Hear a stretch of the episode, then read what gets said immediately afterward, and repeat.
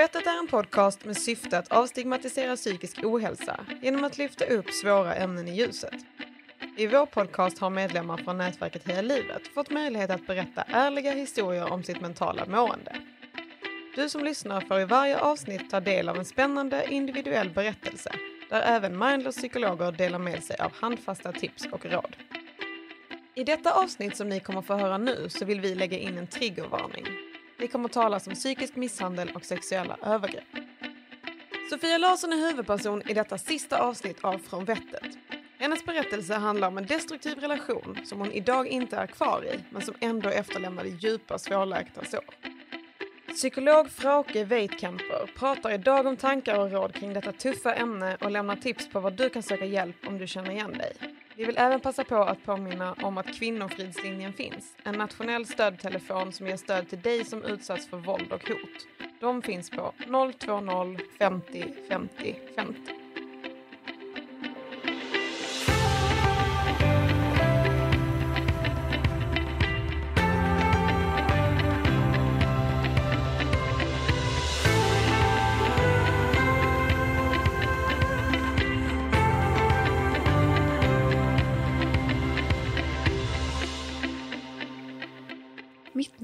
Sofia Larsson. Jag är 32 år gammal och dagens avsnitt ska handla om mäns våld mot kvinnor. Jag tycker det är viktigt att man belyser det faktum att det nästan alltid handlar om män som misshandlar kvinnor. Så ser verkligheten ut idag för alldeles för många kvinnor i Sverige och runt om i världen. Jag driver Instagramkontot Sofia Silverlining där jag öppet delar med mig av mina erfarenheter och vad våldet har gjort med mig. Det här är min historia, min berättelse, mina ord. För aldrig igen ska jag låta honom tysta mig. Det är vår ute och framför mig står han jag har delat ett helt liv med. När jag tittar in i hans gröna ögon ser jag alla minnen vi skapat, alla skratt vi delat, alla resor vi gjort. Och så tar jag sats, tittar en sista gång på hans sockerbitsvita tänder, perfekta hårsvall hans ena smilgrop och säger Jag vill göra slut. För jag tror att jag hittat mannen i mitt liv. Mannen jag ska bli gammal med. Men vad jag inte vet då är att de kommande åren ska bli de värsta i mitt liv. Sedan går allt så fort. Jag flyttar ut från honom jag delat ett helt liv med och blir inneboende hos en tjej jag inte känner. Dagarna flyter ihop och mina minnen från den tiden är skarpa ögonblick samt som resten av mitt liv är en enda dimma. Redan här har jag svepts med i hans tornado. En känslomässig karusell som är svår att kliva av. Men varför skulle jag vilja göra det egentligen? Han har redan lovat mig det liv jag sedan länge anförtrott honom. Och han älskar mig ju redan. Trots att det bara har gått två veckor. Men vad gör det när jag träffat min själsfrände och allt Precis allt känns så jävla rätt. Den enda sommaren vi delar är magisk. Pirret i min mage blir bara starkare och starkare för varje dag som går. Vi spenderar många nätter på olika hotellrum och när juninatten långsamt gryr och blir till morgon är jag redan vaken. Jag sover sällan bredvid honom. Jag är för förälskad för att bry mig om något så trivialt som sömn. Sova kan jag göra sen, tänker jag, medan jag tittar på honom. Men kanske borde jag ha lyssnat på min kropp. Den kanske ropade på mig att inte, absolut inte, invaggas i en falsk trygghet. Eller så är allt bara en efterhandskonstruktion för att jag inte bara ska reducera mig själv till en blind idiot. Den tredje månaden vi är tillsammans börjar jag märka av en förändring i hans personlighet. Han blir tyst, butter och kan till och med bli arg på mig helt utan förvarning eller anledning. Inuti gror en oro. En oro jag borde lyssnat på, men som jag viftar bort. För den oron gör sig bara påmind ibland och absolut inte under några fina stunder. Som den ljumma sommarkvällen vi tittar på The Notebook eller den fina stunden när vi går på en konsert med First Aid Kit. Allt kändes så självklart den kvällen, tills jag av misstag trampade på hans tå och för första gången fick jag stifta bekantskap med en helt annan sida av honom. De ljusa juninätterna har övergått till mörka augustinätter och det är dags för oss att säga hej då till varandra.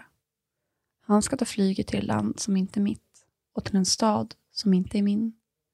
Han ska följa sin dröm samtidigt som jag ska flytta hem till mamma och pappa.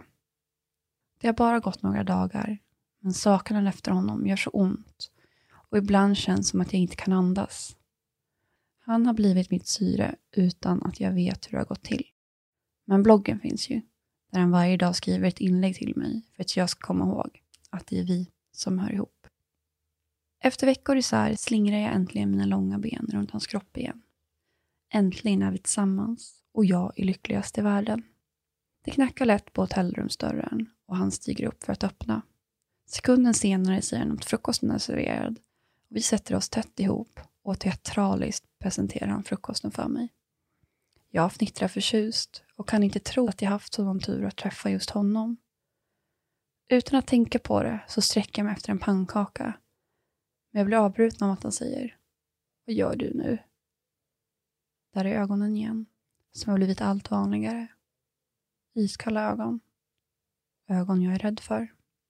Han gör klart för mig att pannkakorna är till honom och helt plötsligt står vi på varsin sida av sängen och han skriker på mig. Jag ser hur arg han är och som från ingenstans sliter han av sig sina shorts. Rädslan inom mig tar över och jag flyr in toaletten. Väl inne försöker jag spy, men det går inte. Efter en stund knackar det på dörren. Det är han. Han kliver in i badrummet och jag hinner tänka att det är nu han slår mig sönder och samman. Men istället sätter han sig bredvid mig. Försiktigt för han sin hand över min arm och menar att det är jag som gör honom sådär arg. Om jag bara skulle vara lite snällare skulle det här aldrig ha hänt. Mitt hjärta sjunker i bröstet, men jag lovar honom såklart att jag ska bli snällare. Bra, säger han. Och efter det blir allt som det var innan. Eller det är i alla fall vad jag intalar mig själv. Efter incidenten på hotellrummet intensifieras allt. Jag sugs mer och mer in i hans värld och även fast jag bor med mamma och pappa ser jag knappt röken av dem. För jag är alltid med honom. På Messenger, över telefon, Snapchat och i mina tankar.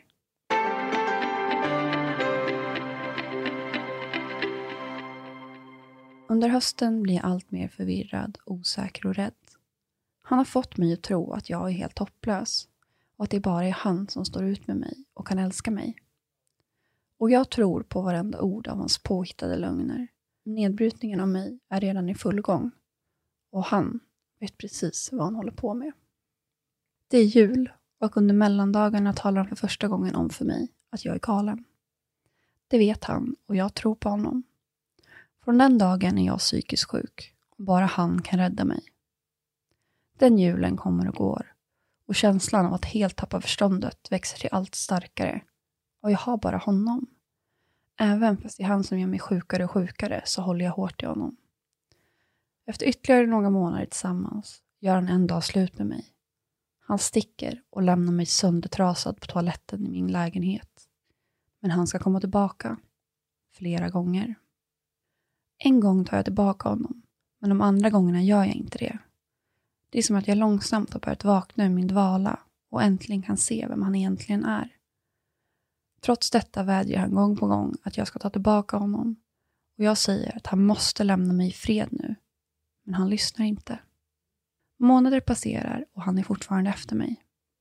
Till slut måste jag ta sakerna i egna händer.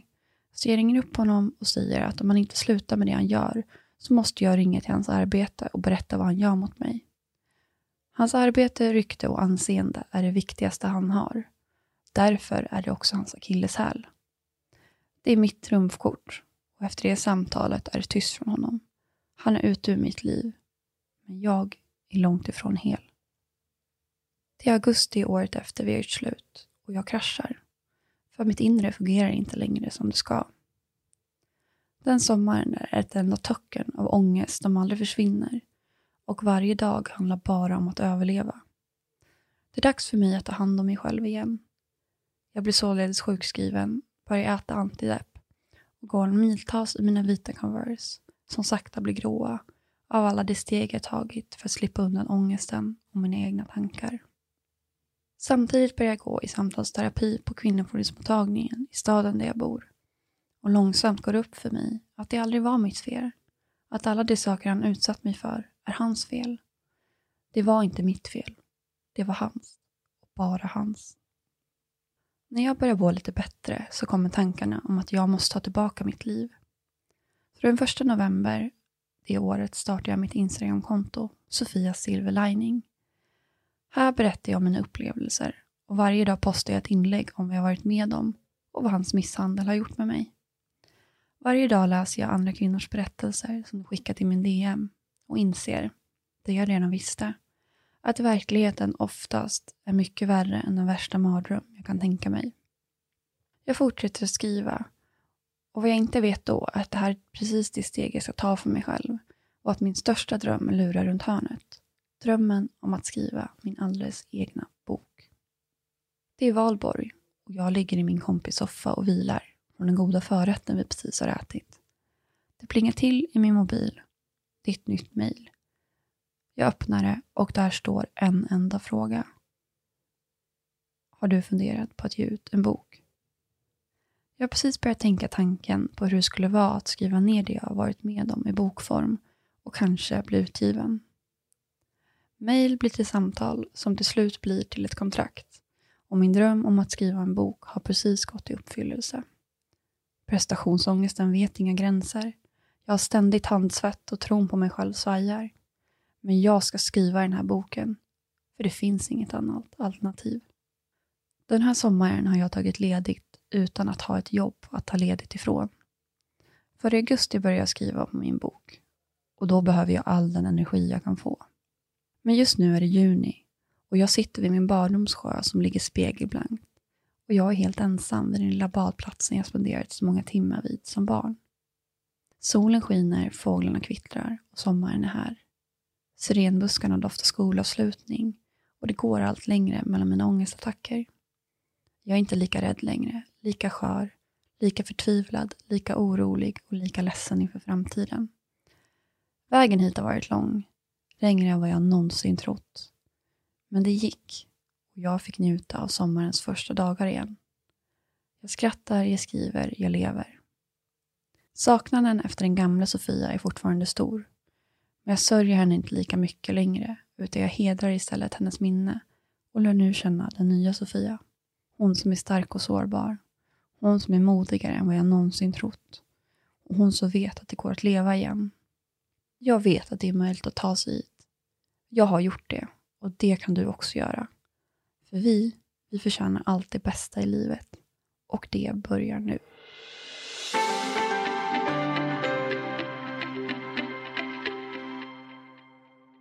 Sofias berättelse är inte ovanlig. Ändå dröjer det ofta till efter att en kvinna tagit sig ur en relation där hon utsätts för psykiskt och fysiskt våld innan hon till fullo förstår vad det är hon varit med om.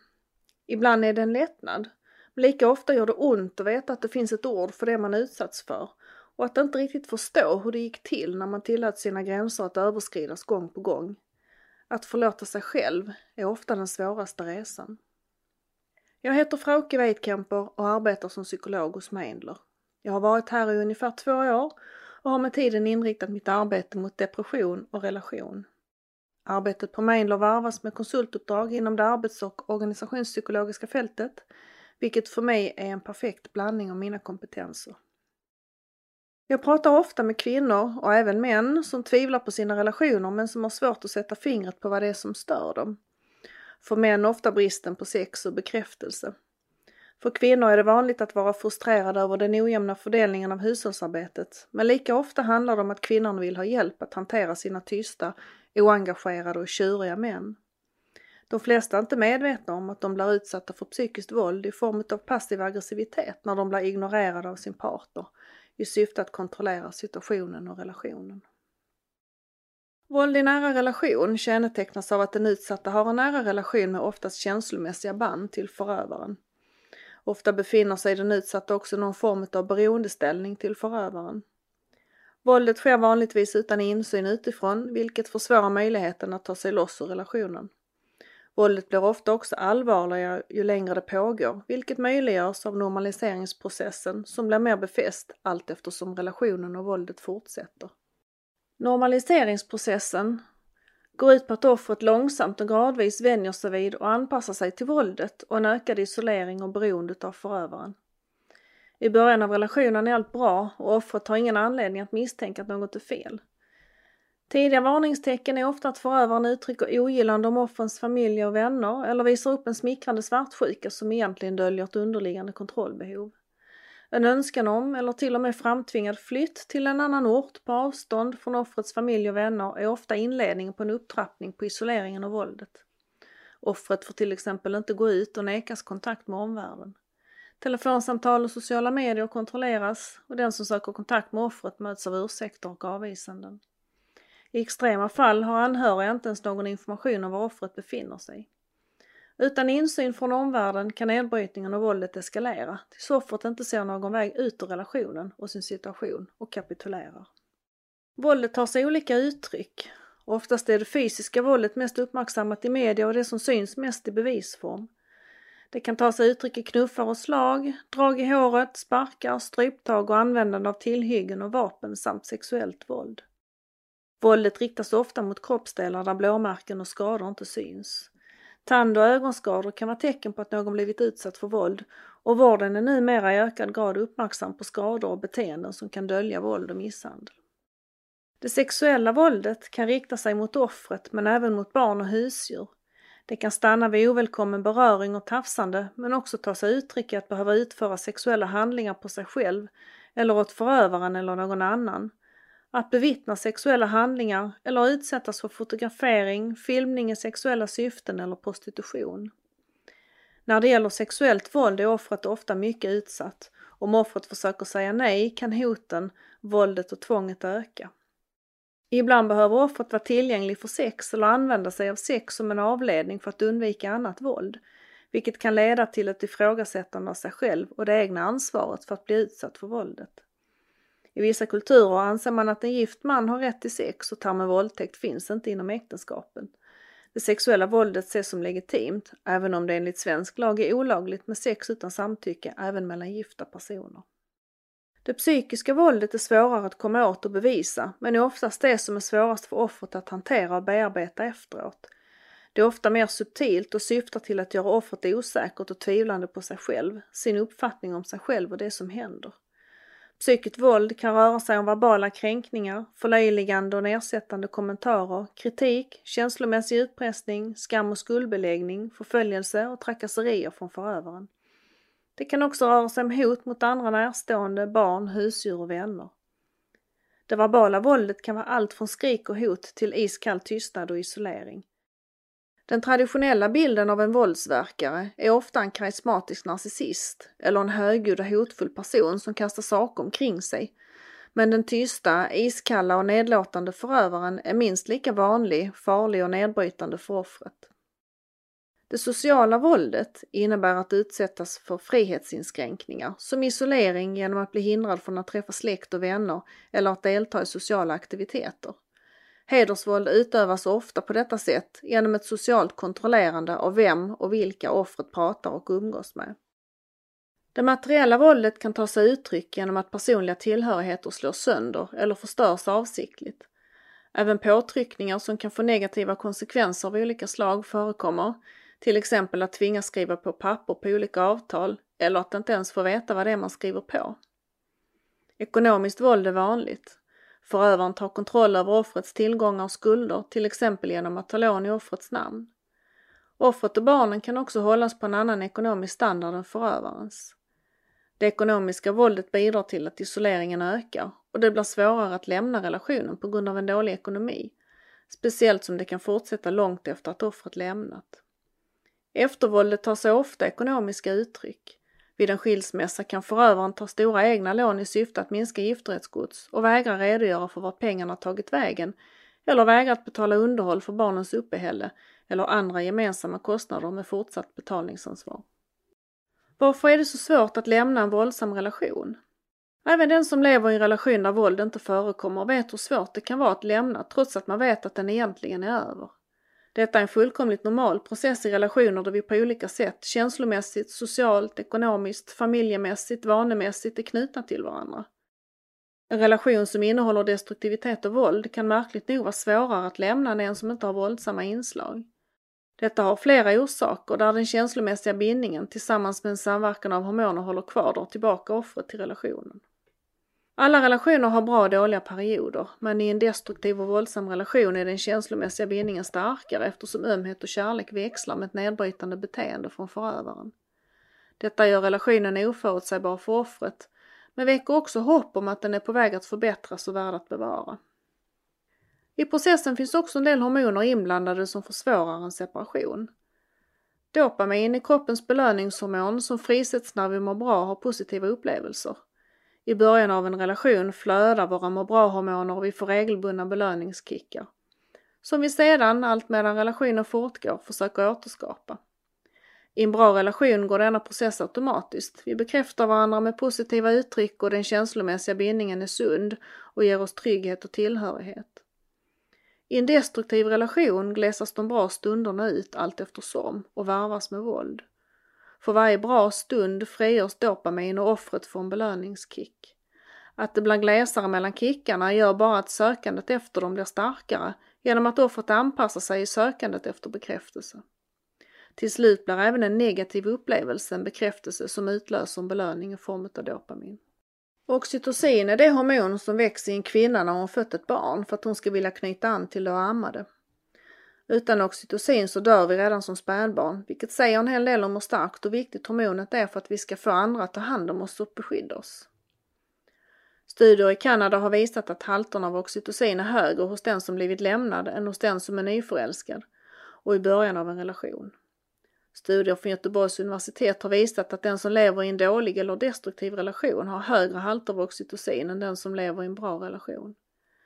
Naturen är inställd på att reparera relationen, så när offret försöker lämna och glesa ut kontakten spelar biologin ut sitt kort och frisätter hormoner som gör att offret vill närma sig relationen igen. Naturens vilja att bevara våra relationer är stark eftersom relationer och tillhörighet i ett evolutionärt perspektiv varit oerhört viktiga för vår överlevnad. Oftast är de här processerna omedvetna för den som är utsatt för våldet. Både offret själv och omgivningen har lätt för att skuldbelägga offret som inte kan eller vill lämna. Skammen över att vara utsatt och dessutom inte kunna lämna något som så uppenbart är dåligt för en är stor. Med kunskapen om de starka psykologiska och biologiska krafter som är i omlopp vid relationer och separationer kan skulden och skammen lätta för offret och omgivningen kan inta en mer hållande och stöttande attityd tills offret själv hittar en väg ut. I tillägg till de processer som beskrivits precis ska man ha i åtanke också att offret kan vara utsatt för ett reellt hot om mer våld, död och eller ekonomisk utsatthet, vilket kan göra alternativet att stanna kvar i en våldsam relation som det enda tillgängliga. Med andra ord, döm inte utan hjälp offret om du kan. Känner du någon eller vet om någon som är utsatt för våld i nära relation? Det är ganska troligt att du gör det, men du vet kanske inte om det. Ser du någon som behandlar sin partner nedlåtande i något sammanhang så bevittnar du per definition psykiskt våld i nära relation. Våld i nära relation faller under allmänt åtal, det vill säga om bevisning finns kan en åklagare ta upp ett fall även om offret vägrar att vittna eller tar tillbaka sin utsaga. Det kan vara lättare sagt än gjort att konfrontera en förövare. Inte sällan tas förövaren i försvar av offret som en överlevnadsstrategi om du misstänker att någon är isolerad och blir utsatt för våld bakom stängda dörrar så är den absolut bästa hjälpen att försöka få bort offret från situationen om det kan ske utan fara för ditt eget liv och hälsa. Tänk på att många offer stannar av rädsla för att förlora barnen eller att barnen eller husdjuren ska skadas. Därför är det svårt att ha en plan som inte innefattar alla som behöver komma bort från förövaren. Ring Kvinnofridslinjen om du behöver stöd i hur du ska göra och tveka inte att ringa polisen om du misstänker akut fara. Hjälp offret att skriva dagbok och dokumentera sina skador på ett sätt så att förövaren inte kommer åt bevisen. Försök att i största möjligaste mån hålla kontakt med offret även om du blir avvisad. Släpp inte offret ur sikte. Viktigast att tänka på för den som vill hjälpa någon som är utsatt är att lyssna och stötta utan att döma. Din vän försöker förmodligen att skydda dig från det värsta obehaget och du får därför antagligen inte veta hela sanningen om hur illa det egentligen är ställt. Till dig som är utsatt för våld i nära relation så vill jag gärna säga detta. Alla människor förtjänar respekt och att få leva sina liv i frihet och trygghet. Även du. Tro inte på din förövares ord om att du är ful, elak, äcklig, galen, korkad eller vad det nu är du får höra.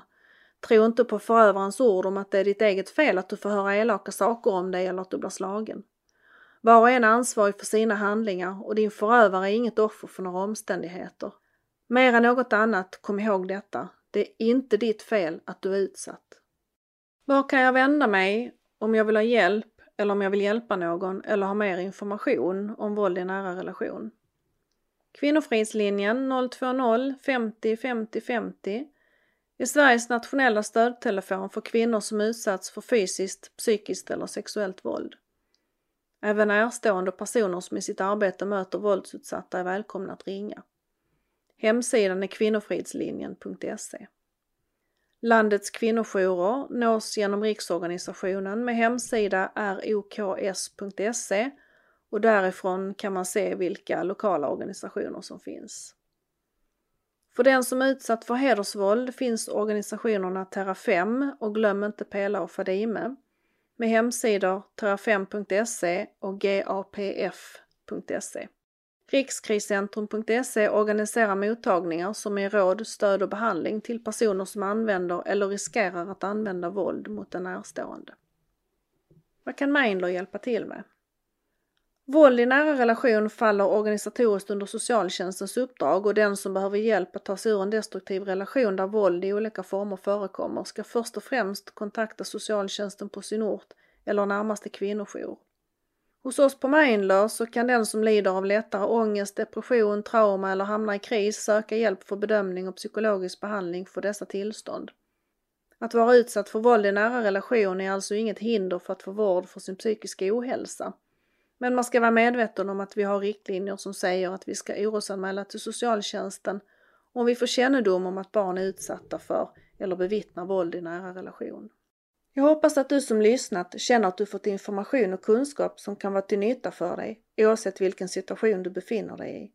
Det har varit ett privilegium för mig att få bidra till Heja Livet och den här podden. Tack för att du lyssnade. Ta hand om dig.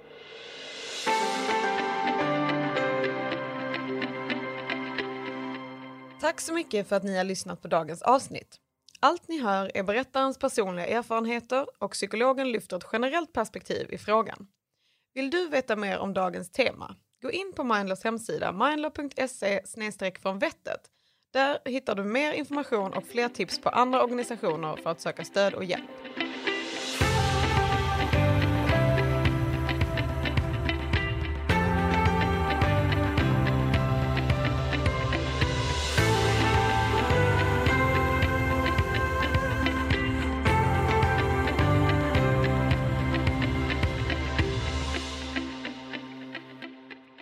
Från är ett samarbete mellan Heja Livet och Mindler, psykolog online.